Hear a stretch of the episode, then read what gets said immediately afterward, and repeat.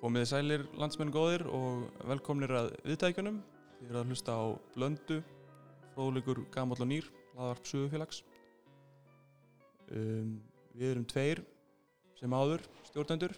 Ég heiti Jón Kristinn Einarsson. Og ég heiti Markus Þórhaldsson og við fengið til okkar góðan gest.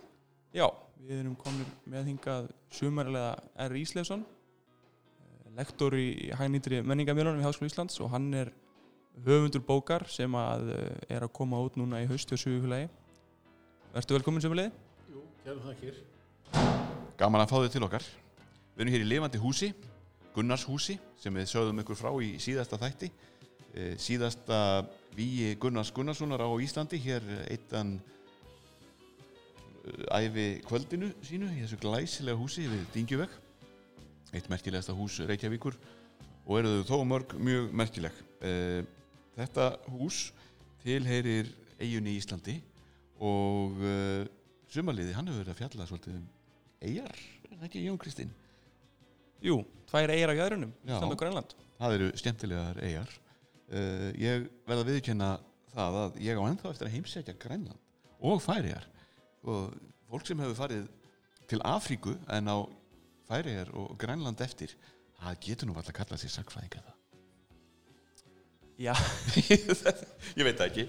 En uh, hvað sem öðrum líður þá held ég að fáir séu fróðari á Íslandi að minnskosti um, um þessar tvær eigar og, og samspil þeirra og, og hvernig þær hafa verið samhliða í gegnum söguna.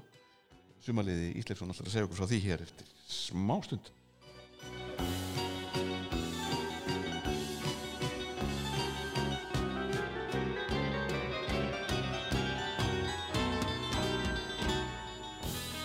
Sumaliði R. Ísleifsson er hér hjá okkur höfundur einnar af þessum voldugu bókum sem að sögufélag gefur út þetta árið Þetta er uh, bók sem að hefur verið lengi smíðum er það ekki svona ef allt er talið sumaliði Það er alveg rétt hjá þér. Það er langt síðan ég byrjaði þessu. Einlega ára tíu. Já Hva, Hvað var til að uh, þú fyrst svona mikið áhuga á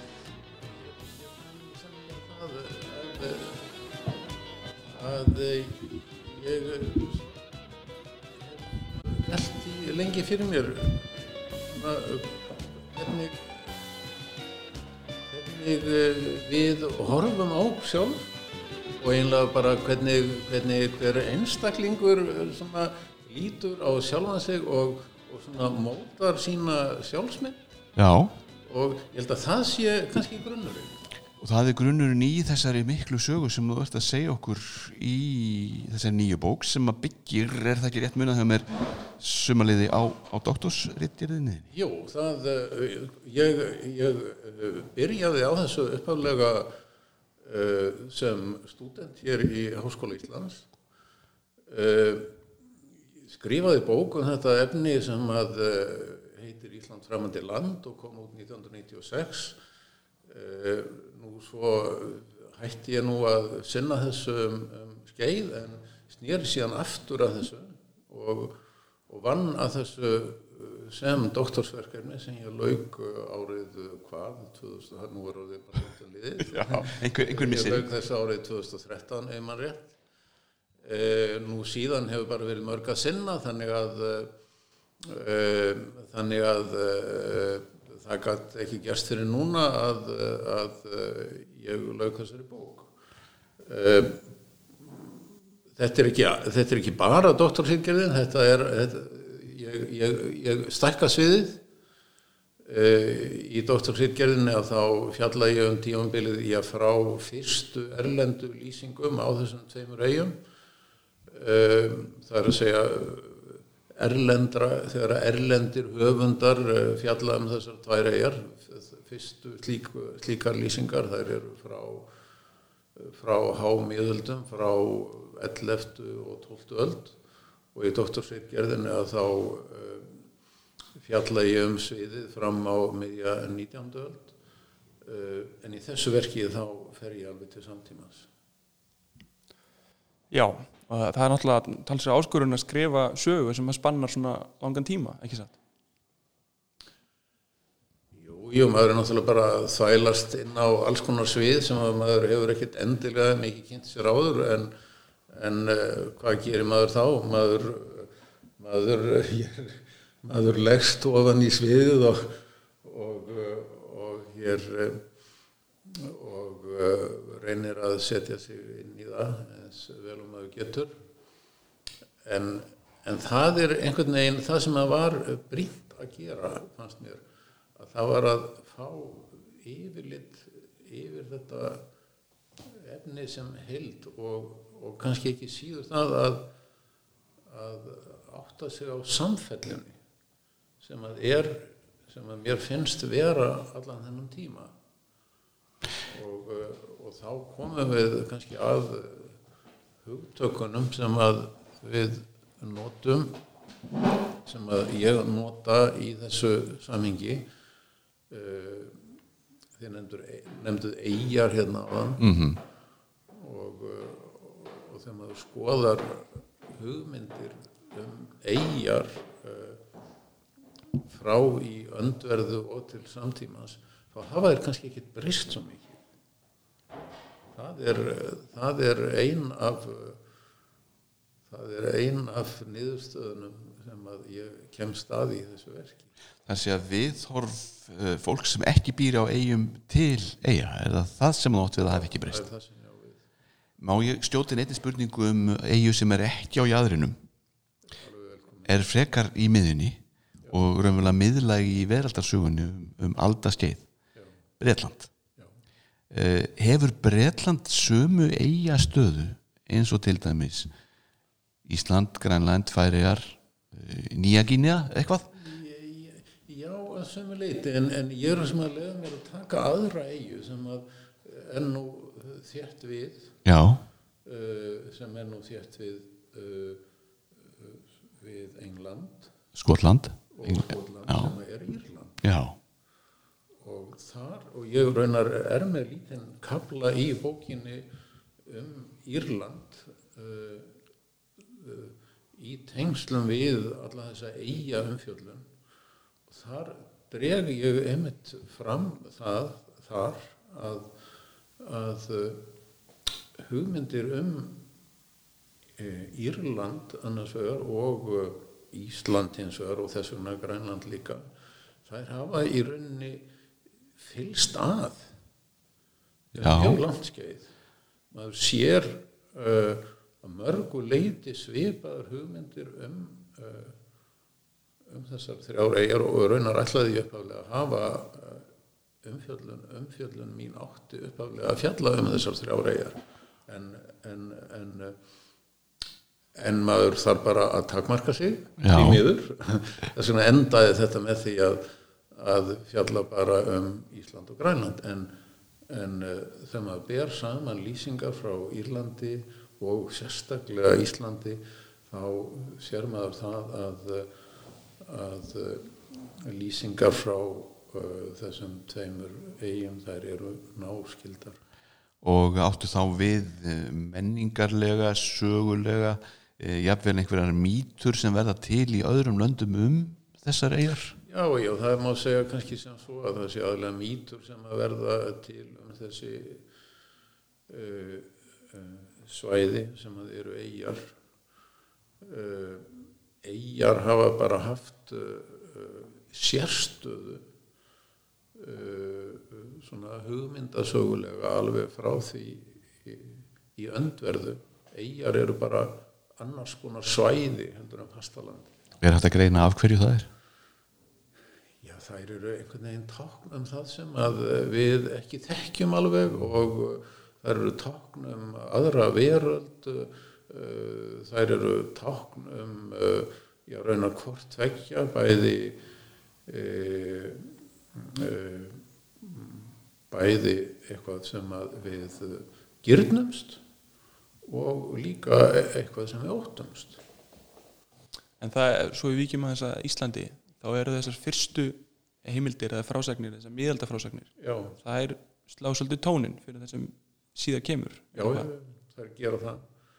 Og, og í grófum dráttum þá má segja að uh, og ég segi það stundum uh, að uh, lýsingar á Íslandi hafi þegar maður skoðar einsta kjarnar þeirra þá hafi þær ekkert breyst.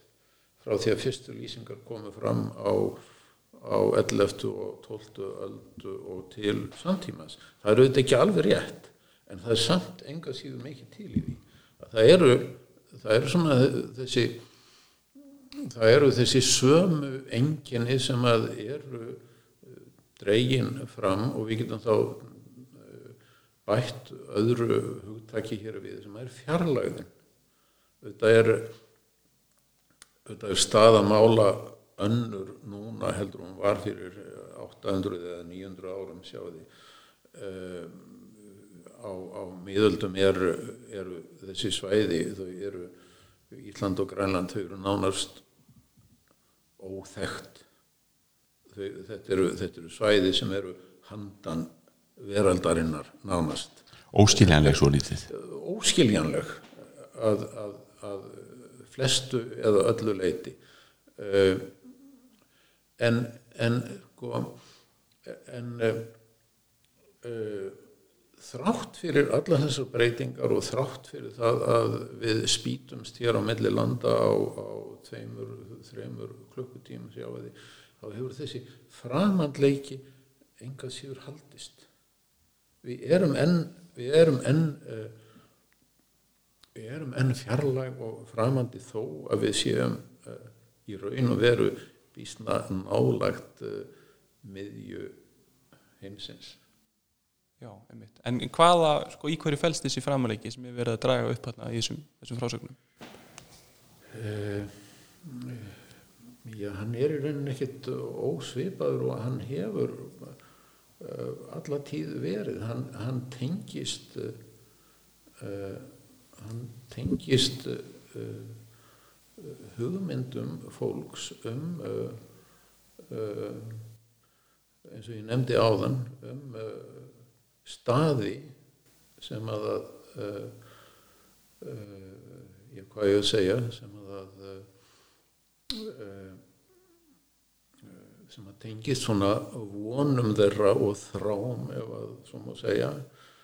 Uh, þetta eru staður sem að eru öðru vísi heldur en uh, heimalandið það er uh, það getur allt mögulegt gerst á þessum fjarlægu slóðum sjáu því það tengir eigjar við uppbrunaleika uh, við ævintýri uh, nú líka einhver leiti við endurlaust það er líka eitt sem að hefur tengst eiga hugtakinu að það er uh,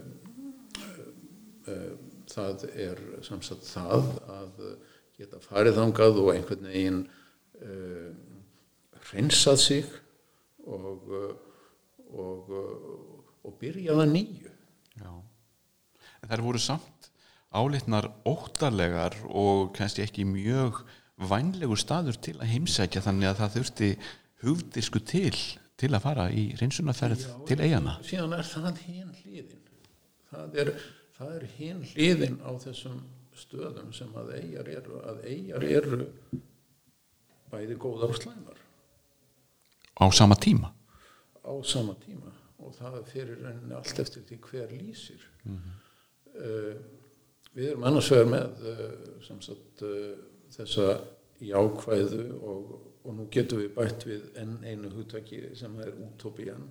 Við erum með þessa jákvæðu og útópísku hlið en hins vegar erum við svo með hérna neikvæðu og dystópísku hlið. Og og þetta þetta þekkir fólk auðvitað uh, það þekkir uh, djöfla einar Kárassonar sem að, sem að einmitt fjallar um svona stað sjáu því og og, og, og þessar lýsingar þær eru alþektar frá í fornöld.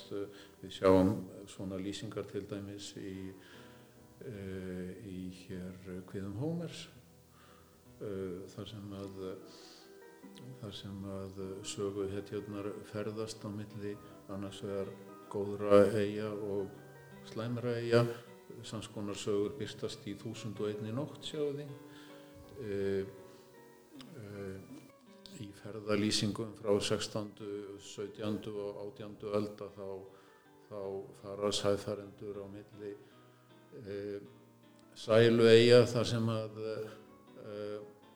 öll heimsins gæði eru fáanlega sjáiði en svo rekast þeir líka á aðrar eigjar þar sem að uh, viðkomandi lenda í reynasta helvíti.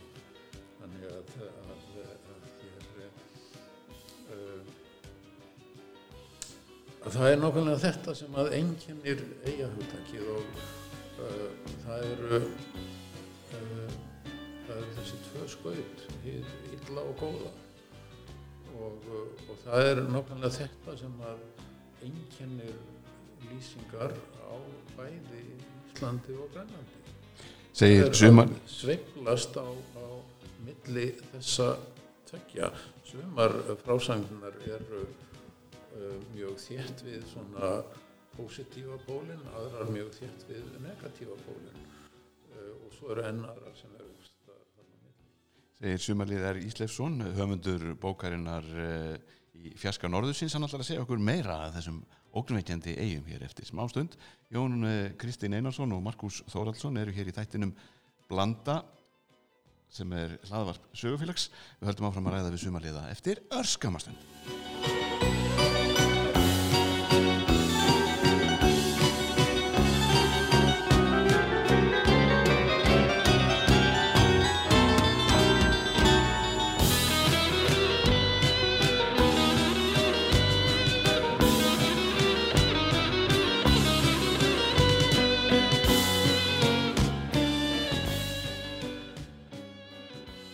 Já, komið sæli, við erum hér sem fyrr Jón og Markus með sumarlega í spjallu um hans bók uh, í fjarska norðusins og uh, við vorum að ræða svona þessa uh, blendni sem getur verið í, í lýsingum á Íslandi og Grænlandi andstæðar sem oft takast á.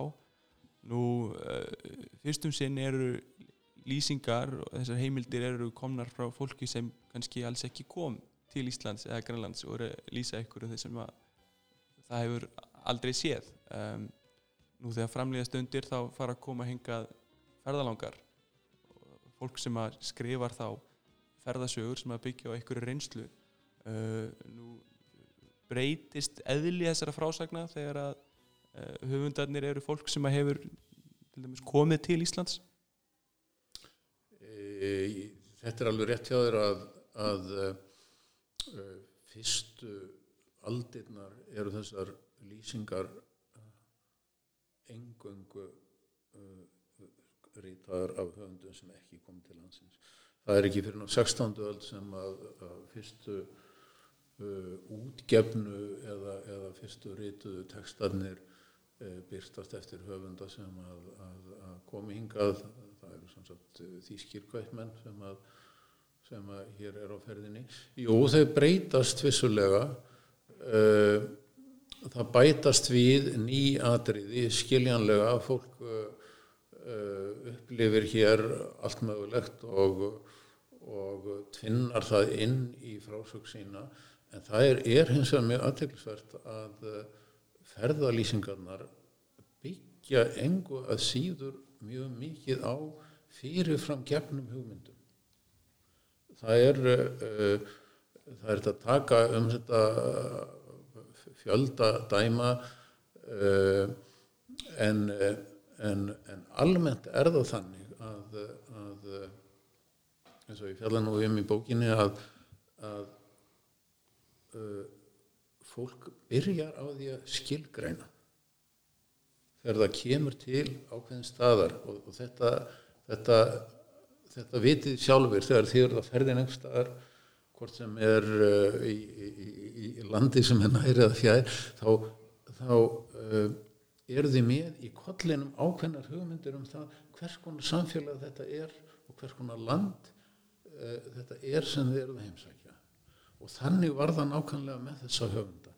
Þeir byggðu á þeirri þekkingu sem fyrir var. Og það er svona mjög stór hluti af þessum verkum. Stundum er þetta þannig að, að, að þessir höfundar eh, byggja fyrst og fremst á eh, fyrirframgefna höfundum og, og, og svona þeirra eigin reynsla er bara einhvers konar innskot.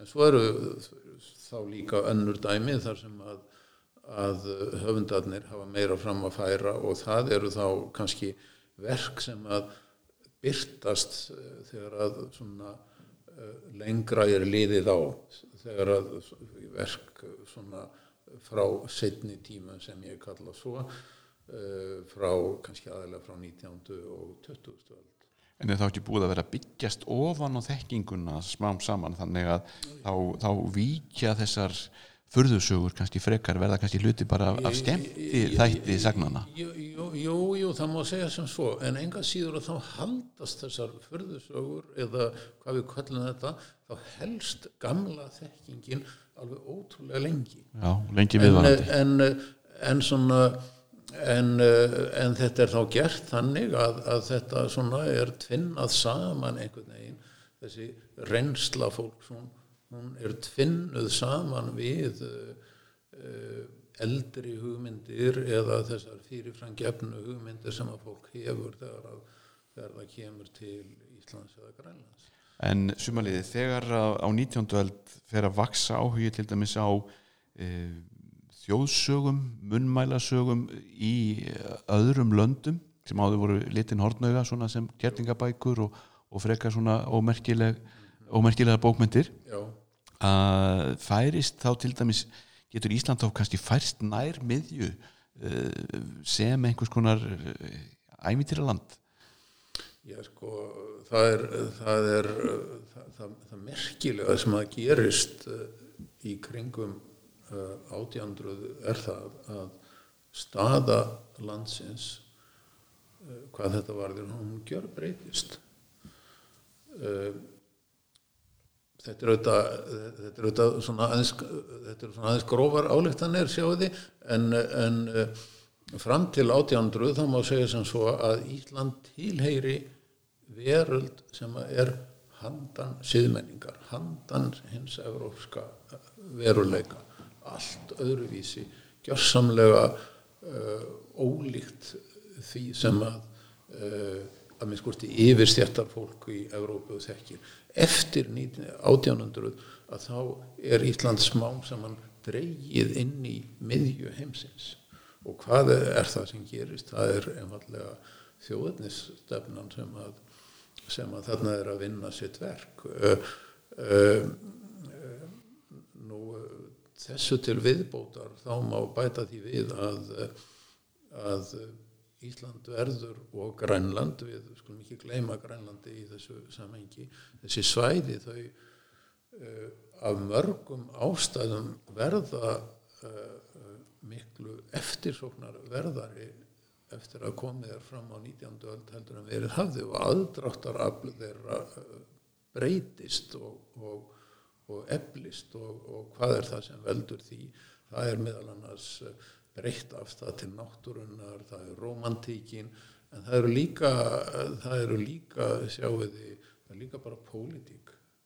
Það er um, það er leitin að, að siglingaleiðinni til Östurlanda fjær sjáuði uh, annarkvort uh, uh, austan megin eða, eða, eða vestan megin Grænlands og þar með auðvitað leit að eða eftirsókn eftir áhrifum og, og yfirráðum sjáuði það auðvitað að, að tengist líka þessum viðhorfum en, en sérstaklega uh, svo við dráum þetta aðeins saman sérstaklega þá uh, ef við höfum Íslandi huga þá, þá, þá gjör breytist staða Íslands eftir að komið fram á 19. öld uh, Ísland verður smá saman sögu eigin eftir að komið fram á 19. öld og Ísland er sögu eigin enn þann dag í dag uh, uh, og, og útópísk sín á, á Ísland verður ráðandi við getum sagt sem svo að hinn dystopíska eða neikvæða sín eða hvað við kallum það að verið ráðandi fram um 1800 en það gjör breytist eftir að komið fram á 19. öld. Og, og uh, um, þetta, um þetta má auðvitað hafa, hafa langt mál hvað þetta þýðir því En það kom einn heil bók eða hún er á leiðinni? 400 síður takkar hefði geta verið lengri.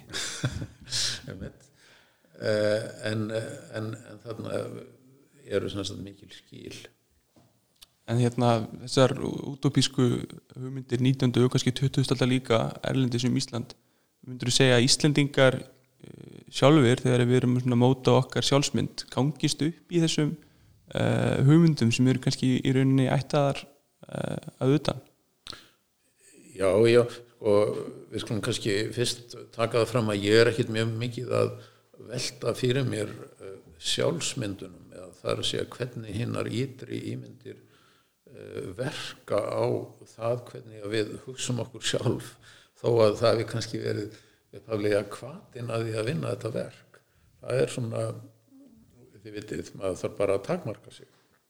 En sumarliði, en- samt sem áður en uh, já, en svo ég aðeins haldi áfram sko, að, að þetta, er, þetta er alveg rétt sem þú segir Jón Kristinn að, að þessar hugmyndir þær eru yfirteknar af elitunni þær eru yfirteknar af uh, hér uh, uh, ráðandi uh, hér hópum á Íslandi á 19. og 20. öld og, og, og verða upp í staðan í okkar sjálfsmyndum og eru það enn og notar í pólitískum tilgangi jável já, já, já, við heyrum þetta daglega já, já. eh, en, en, en við getum sagt sem svo sem sagt, að okkar eigin sjálfsmynd hún er svo við alhæfum, lefum okkur nú alhæfa aðeins hér á blöndu að uh, okkar eigin sjálfsmynd hún er kannski aðlega mótuð annar staðar. Og uh, við erum kannski líka svolítið að speikla okkur í grannlendingunum og, Já, já. og segjum, já, við erum, við erum þá allavega ekki grannlendingar er það ekki? það er svolítið tónnin í Íslandingum eh, um tíma Jú, jú, það er, skiptir auðvitað megin máli, það hefur verið þannig frá í öndverðu að, að uh, Íslandingar hafa uh, barist fyrir því uh, að fá víðurkenningu uh, á því að vera að mér skosti svipaðir uh, fólki í, í, í siðmöntuðum löndum eins og það var kallað. En, en þá dregin mjög skýr lína uh, hvað varðar heimskvölda fólk það hefur verið grunnatriði í mörg, mörg hundruð ár að, að þannig séu Íslandingar nákvæmlega ekki. Um, um, það hins vegar þótti mér aðtilsvert uh, og það er kannski ástæðan fyrir því að ég vel að fjalla um þessi tvö lönd saman er einmitt að draga það fram að viðhorfin utanfrá þau eh, hljóðuðu semst upp á það að Ísland og Grænland væru í rauninni eitt og sama svæðið alveg fram eh, á 19. öld og þetta heyru við raunar enn uh, allt til samtíma okkar sjáðu um, um, um, þegar maður skoðar ferðabækur frá 20. öld uh, þá, þá koma þessi stef yðurlega fram við heldum að Ísland og Grænland og, og önnur uh, svæði lengst í norðri þau væru bara eitt og þið sama og, og, og fólkið væri eitt og þið sama en, en um, uh, en sem sagt þetta hefur vitaskuld haft uh, mikil áhrif á það eða, eða þetta, við skulum segja þetta kemur mjög skýrt fram í því hvernig við sem sagt, það- eða, eða hvernig Íslendingar lýsa sjálfum sér. Það er meðal annars með því að draga upp þær myndir hvað við séum ekki. Já, og, og, og, og það þýðir þá það að, að, að við séum ekki eins og næstur nágrannur okkar hér í vestri. Þetta lítur að hafa verið spennandi verkefni að vinna að sumarliði. Eh, var eitthvað sem að kom þér á óvart? Var eitthvað sem að til dæmis þegar þú varst að vinna að þessari bók því að nú eru til nokkar útgáfur af þessu, þessu verki eh, eins og nefndir í upphafi. Var eitthvað í svona setni tíð sem að þú sást sem þú hafði ekki vitað áður ég er búin að vinna svo ég við þetta ég er, ég er ekki dómbær á þetta. En, en uh, sko, það má uh, auðvitað er að uh, er það þannig að þegar maður hefur ástríðu fyrir svona efni að þá, þá fagnar maður alltaf einhverjum nýjum textum sem maður rekst á eða myndum sem að, maður grefur upp og og það er nú eitt þáttur sem við hefum ekkert nefnt í þessu sammingi það er mjög mikið af myndum í, þessum, í þessari bók. Það er yfir 200 myndir og, og uh, margar þeirra, ekki allar kannski en margar þeirra hafa ekki sérst áður. Uh, þar hef ég gert uppgötanir sem að ég hef glaðst mjög mikið yfir. Ég hef fundið myndir sem að hafa uh, hverki sem hafa verið algjörlega óþektar og eru mikil sverði vegna þess að uh, það sem að myndir gera það er setja fram yðurlega í mjög knöppu formi uh, tilteknar hugmyndir. Uh, þannig að, að sumar af þessum myndum sem að ég hefur rekist á að þær hafa skipt miklu máli í þessari rannsókn, finnst mér. Uh, það má líka kannski draga fram að, að, að mér, mér koma óvart á sínum tíma þegar ég var að fara yfir þetta hversu skörp skilin voru í kringum á tjónundur. Já, þetta er bara svona gjör breyting algjör. Þetta er, þetta er, ég segi ekki að þetta sé, ég segi ekki að þetta sé, uh, uh, sé algjör umskipti á einni nóttu en, en þau gerast mjög hratt. Þessi breyting frá því að, að vera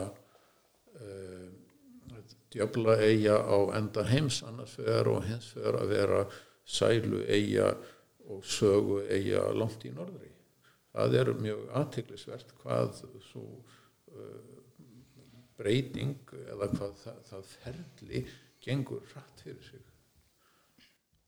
Það er náttúrulega eitt sem er áhugavert ef við setjum þessa rannsókn í samingi við svona íslenska sagfræði almennt að uh, svona sagnareitun uh, íslenskra auðaríkisviðskipta og uh, íslenskrar stjórnmálasögu síðustu áratu hefur að miklu leiti leið í því að sína fram á Ísland hafi verið hluti af umheiminum að það hafi verið mikil samskipti við útlönd já, já, en það sem að þessi saga segir er kannski að hugmyndasagan hugmyndasögulega séð er Ísland uh, talsvert fjarlægt. Já, já, já uh, Það er líka mjög aðtilsverð þessi breyting sem að verður og ég fjalla í rauninni ekkert mikið um. Það er, eins og nefnir, það er þessi ríka áhersla hvað var það sjálfsmynd að samsama sig með uh, Evrópu innan gæsalappa svona með Evrópu er átt, átt við siðmenningu en hins vegar að draga skýrar eða skörpskíl hvað var þar heimskvöldasvæðin þetta hefur síðan gjör breyst á allra síðustu áratugum og það er það sem ég fjalla um í lokalhluta verksins. Uh, samsagt það að uh, af ýmsum ástæðum þá þá höfum við fallist á að við séum í rauninni annars konar svæði að nokkur leiti annars konar svæði heldur Európa og það fælst í því að, að e, núna eru við skilgreint sem e, vestnorrænt svæði. Við erum vestnorrænt svæði sem þýðir það að e, Ísland, Grænland og Færiar eru tekin út fyrir sviga og, og sagt sem svo þetta er svæði sem er ólíkt uh, uh, hér uh, hínum Norðurlöndunum og, og þess vegna hér Evrópu sem heild og, og þetta er orðið grunnstef í, í, í íslenskri utarkispolítík. Það eru þetta margar ástæður sem að leggja fyrir þessu og það er leggja kannski einhverju leiti fyrir utan svið þessar bókar. Uh, svo ég veit ekki hvort við hefum að fara djúft í það. Við eh, tökum það nú bara fyrir í öðrum þætti að blöndu einhvern tíma síðar. Sumarliði er Ísleifsson höfundur bókærinnar í fjarska norðusins Eh, fyrir hverja er þessi bók? Veistu það? Þú er búin að liggja svo lengi í þessu það er kannski, það, það samásaður ég- áðan. Ég held nú að þetta sé verk sem að geti átt erindi við allan almenning. Uh, Nú þetta er auðvitað verk sem að á erindi líka inn í fræðarsamfélagið inn í samræðina um það hver við erum og, og uh, já, hver við uh, hérna höfum vilja að vera og hver við höfum ekki vilja að vera þannig að, að, að, að bókin á, á vissulega erindi þangað en, en eh, að mínu viti og ég hef skrifað þessa bók þannig að, að eh, hún geti verið skiljanleg öllum almenningi og ég vona að hún eh, nái eh, líka eirum þessa fólks. Sýnlegt að ná eirum allra svona fræði meginlega ekki festast upp í einhverjum bílabeinsturni, svo við notum það frægorð eða kannski borgarísjaka í þessu tilfelli? Nei, sko, það er líka það að eins og þið vitið þá hefur fólk hér á landi það hefur rosalegan áhuga á því hvað aðrir segja um það. Og þetta þetta ég séð e, í fjölmiðlum ég hef farið í gegnum Íslands dagblöð á 20. öld uh, meðal annars með þetta í huga. Og hvað er fast stef í þessum miðlum? Það er Íslandingar í útlandum Garðar Hólm það er, það er fast stef í, í þessum miðlum. Og að greina frá því að Íslendingar þeir voru bestir þar og bestir hér þeir, þeir uh, sigruðu heiminn. Og svo er líka uh, alltaf fyrstu punktur ef að það gerist eitthvað á Íslandi þá er, sem er alltaf fréttir sko, þessi erlendi fjölmiðl segir þetta um Ísland. Já, þetta er hér í gangi í bandaríkjunum og þeir eru að segja þetta um okkur. Já, já, já. Og, og það er náttúrulega líka hlut að þessu ef að einhverjir eru svo illa innrættir í öðrum löndum að tala illa um okkur sjáu því þá fá þeir náttúrulega bara á baukinn sko. Það er voðalegt. Það er voðalegt. En Sumaliði Ísleifsson til hamingju með bókina. Hún heitir í fjarska norðusins Eh, við lofum glæsilegri kápu. Já, eins og fyrir daginn Jón Kristinn. Já, já, Hún- hún er töfrandi eins og innihald bókarinnar.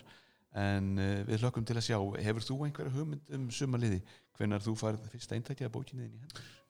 Ekki upp á dag en svona síðla í oktober svona ef Guð lofar maður veit reyndar ekkert á þessum tíma um hvernig hlutirnir eh, snúast en, en við skulum vona að það standist svona um 20. og 5. oktober þá vona ég að verði komin Ég vissum að það myndast strax beðröð bæði á netinu og í bókabúðum eftir þessari bók uh, Kæra þakki fyrir að koma til okkar sumaliði Ísleifsson og enn og aftur til hamingju með uh, bókina þína um þessar eigjar á jæðrinum sem eru í fjarska norðusins hlökkum til að sjá næstu útgáfi þegar þú bætir Írlandi við því að það er líka töfra heimur svo ekki sé meira sagt. Jón Kristinn og Markus hverja hérna úr blöndu fróðleik gömlum og nýjum hlaðvarpi sögufélags að sinni en uh, það eru fleiri þættir í bígerð og þið fylgjast með og haldið áfram að fylgjast með okkur á vefsíðu félagsins sögufélag.is og á helstu streymisveitum. Takk fyrir að hlusta og enn og aftur Sumarið Ísleifsson Takk fyrir að koma til okkar